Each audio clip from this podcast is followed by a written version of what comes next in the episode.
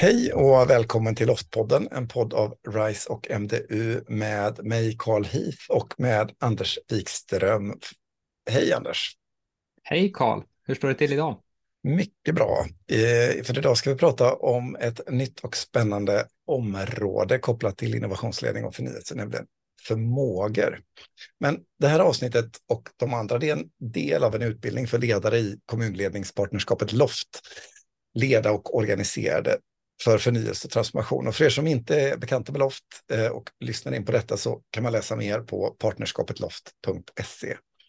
Men den här serien handlar alltså om att utforska och dela kunskap om att leda för förnyelse och transformation. Och varje avsnitt så pratar vi om aspekter av de element som utgör ett innovationsledningssystem. Och målbilden, tanken med detta, är att kunna ge en bredare förståelse för att kunna just leda förnyelse och då med särskild tonvikt på innovationsledning. Och idag, Anders, så ska vi prata om att förstå organisationens förmågor och vad man använder dem till. Vad, vad det här är för någonting. Vad, om vi ska börja med eh, ordet förmågor som vi rör oss med idag. Vad, vad tänker du när du liksom hör det ordet?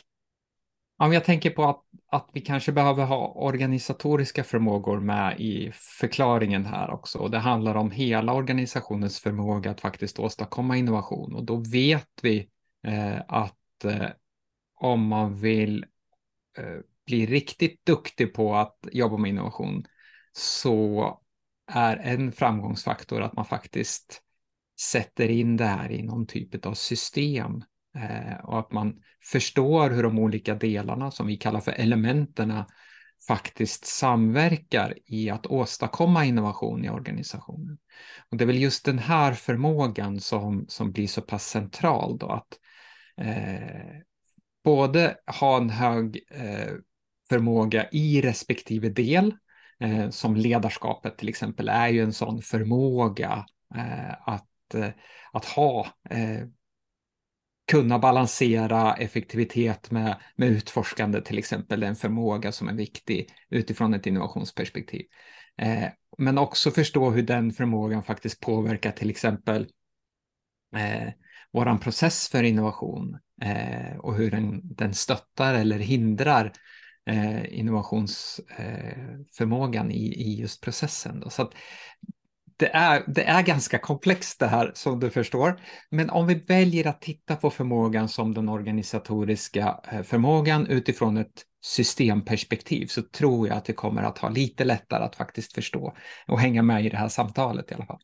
Så bara för att liksom göra det kanske ännu mer tydligt. Alltså vi, vi har ju då hela, alla de här olika förutsättningarna för att kunna ägna oss åt förnyelse och innovation.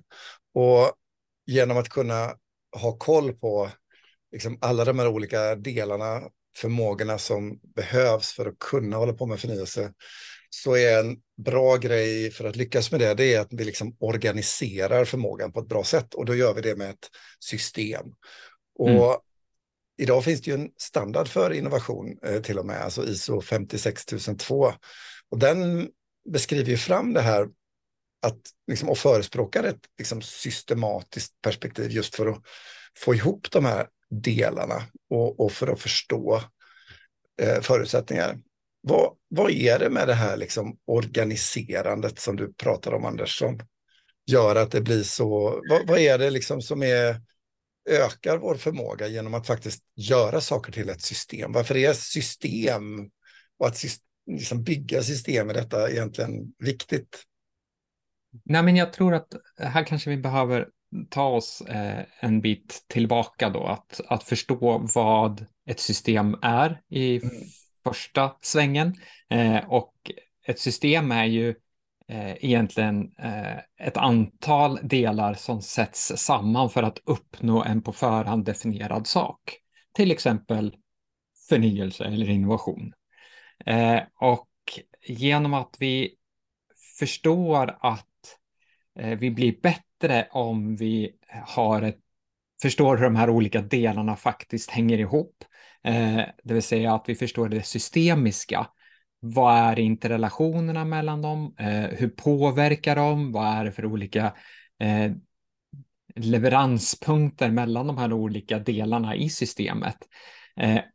Plus att vi dessutom blir systematiska i det vi gör, det vill säga att vi någonstans kan återupprepa och att vi kan lära och att vi kan förbättra oss utifrån att vi faktiskt tittar på vad är det för någonting som vi har gjort i det här systemet. Ja, men då kan vi verkligen, verkligen öka vår förmåga att vara innovativa och vi kan kontinuerligt lära oss saker, hur vårt system faktiskt fungerar. Får jag, får jag pröva en metafor på det? Jag, jag tänker Absolut. Här, jag tänker på till exempel eh, Eh, den ädla konsten matlagning. Jag kan ju ha en kokbok och eh, så har jag ett recept i kokboken och så följer jag receptet och så får jag en jättegod eh, måltid.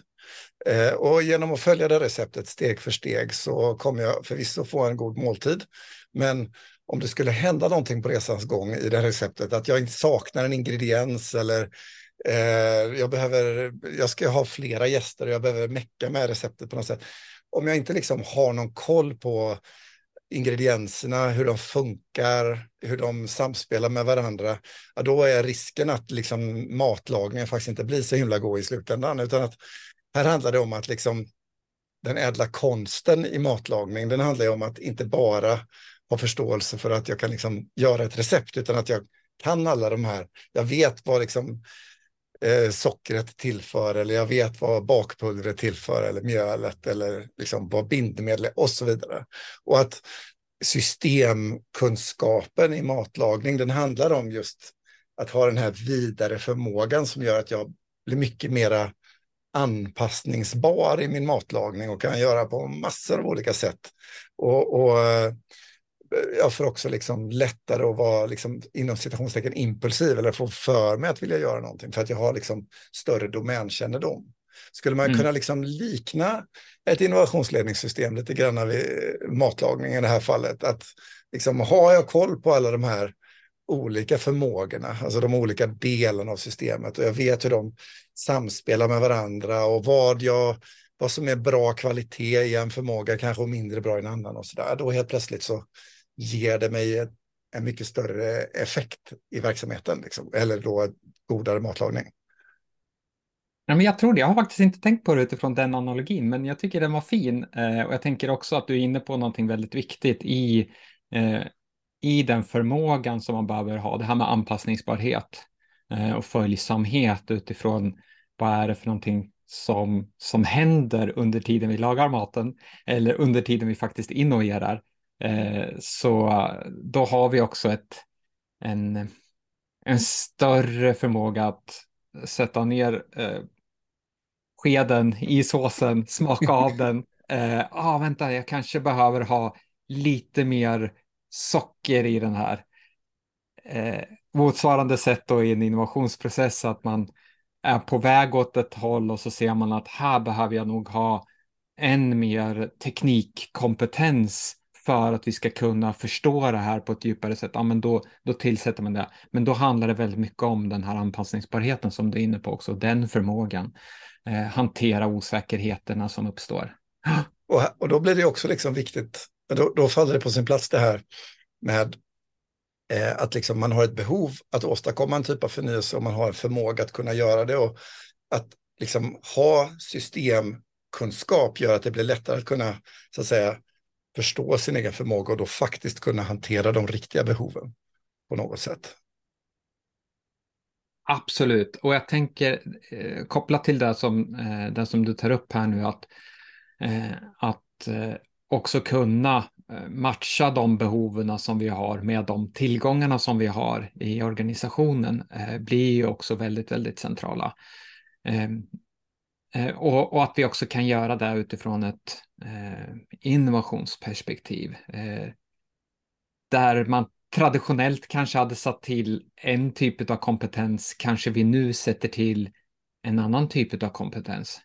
Eh, för att vi just vill åstadkomma någon typ av förflyttning eller förnyelse. Så att, ja. När det kommer till just det här förmågesammanhanget så handlar det ju väldigt mycket om hur vår organisations olika pusselbitar hänger samman på något sätt och vilken kännedom vi har om dem och sådär.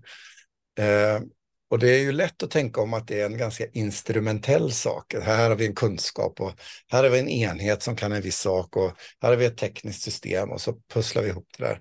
Men vi vet ju samtidigt också när det kommer till förnyelse och innovationsarbete att vårt, eh Eh, vår innovationskultur och vårt innovationsklimat spelar en väldigt viktig roll i kontexten av våra förmågor också, att våra förmågor faktiskt får en mycket, mycket starkare roll i, ett skede där vi har en, eh, liksom en god innovationskultur på plats och där vi har ett innovationsklimat och beteenden i verksamheten som liksom faktiskt möter de här eh, eh, och, och, stärker de här olika förmågorna på olika sätt. Mm.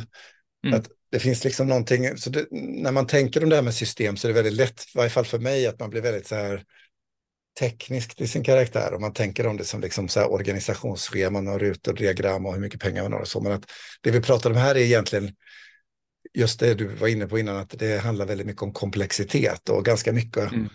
av värden som inte självklart riktigt går att ta på på det sättet, utan är mjukare i sin karaktär eller så. Även om jag inte gillar det ordet riktigt för, för det är så grundläggande och viktiga dimensioner.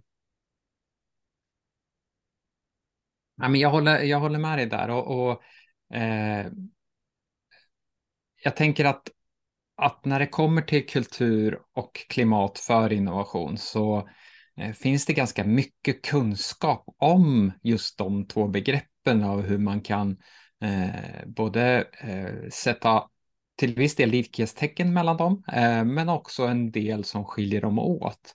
Eh, och om vi nu ska eh, förstå organisationens förmåga kopplat till kultur och klimat eh, så finns det ju olika instrument att använda sig av för att faktiskt både mäta och analysera vilket innovationsklimat har vi i vår organisation? Hur förhåller det sig till, till våra värderingar som är en del av kulturen och hur kan vi göra förflyttningar ifrån den kultur vi har via klimatet för att åstadkomma eh, en, en framtida annorlunda kultur i organisationen. Eh, så så där, här, här kan man tro att de är, ja, men du är inne på det här med mjuka, mjuka faktorer då, men, och de är mjuka, men vi kan också göra dem hårda i och med att vi kan mäta dem och sätta en siffra på dem och helt plötsligt så får vi, eh, så får vi mjuka faktorer med, med hård data på som gör att vi faktiskt kan vara lite mer instrumentella när vi sen sätter in åtgärderna som också är, eh, får betydelse när vi gör förflyttningar och eh, klimatförändringar. Då. Jag tänker, om man betraktar just det här med förmågor och, och, och systemet ur ett lednings och styrningsperspektiv så för mig så blir det tämligen uppenbart att liksom, för att man ska kunna hantera ett innovationssystem och eh, öka förmågor här, då blir det per natur så att liksom, den högsta ledningens engagemang och delaktighet i det här sammanhanget blir väldigt viktig. För mm. utan den så blir det ju väldigt svårt att faktiskt kunna både öka förmågan men också kunna eh, liksom få med sig hela organisationen som ett system. Så det, det finns en rätt naturlig, eh, det blir ganska naturligt eller lätt att se liksom hur, hur central vår lednings och styrningsförmåga är i relation till det här området någonstans. Mm, mm. Och, och, just högsta ledningens perspektiv på innovation och förnyelse är extremt avgörande för om vi faktiskt kommer att få till någon typ av innovation i organisationen. Så att vi måste inte bara ha deras förtroende eh, i, att, eh, i att åstadkomma innovation, det vill säga förmågan för dem att konstant befinna sig i den här osäkerheten som, eh, som innovation faktiskt handlar om. Utan vi behöver också Eh, ha, eller högsta ledningen behöver också ha eh, förståelse för hur det påverkar deras, eh, deras agerande och att de också behöver stödja den typen av agerande som innovation innefattar. Som eh, att uppmuntra eh, osäkerhet till exempel, att uppmuntra att vi testar och utforskar saker, att vi experimenterar. Eh, och det här är ju inte helt enkelt i eh, och kanske framför allt inte i en politiskt styrd organisation där man, eh, där man inte vill utsätta sig för någon typ av risk överhuvudtaget eh, och man vill eh, liksom bock, kanske mer bocka av de eh, punkterna som politiken har sagt är viktiga utifrån ett tjänstemannaperspektiv. Mm. Eh, och politiken kanske till och med går in och styr vad det är för någonting som, som man ska göra. Eh, eh, och inte bara nöjer sig med vadet utan också huret. Eh, vilket då kanske begränsar handlingsutrymmet och, och begränsar definitivt utforskande eh, aktiviteterna kopplat till innovation. Och just det här samspelet mellan eh, politik och tjänstemän, ledning och styrning och så, det, det, kommer vi komma tillbaka när vi pratar om, om, om ledarskapet i relation till förnyelse längre fram här i serien. Anders, ja. eh, som vanligt så går tiden fort när vi har roligt. Eh, det är dags att, att runda av. Men eh, vi fortsätter i ett senare avsnitt och tittar vidare på de här kontextuella faktorerna på olika sätt. Men till dess, på återhörande. Hej då! Hej då!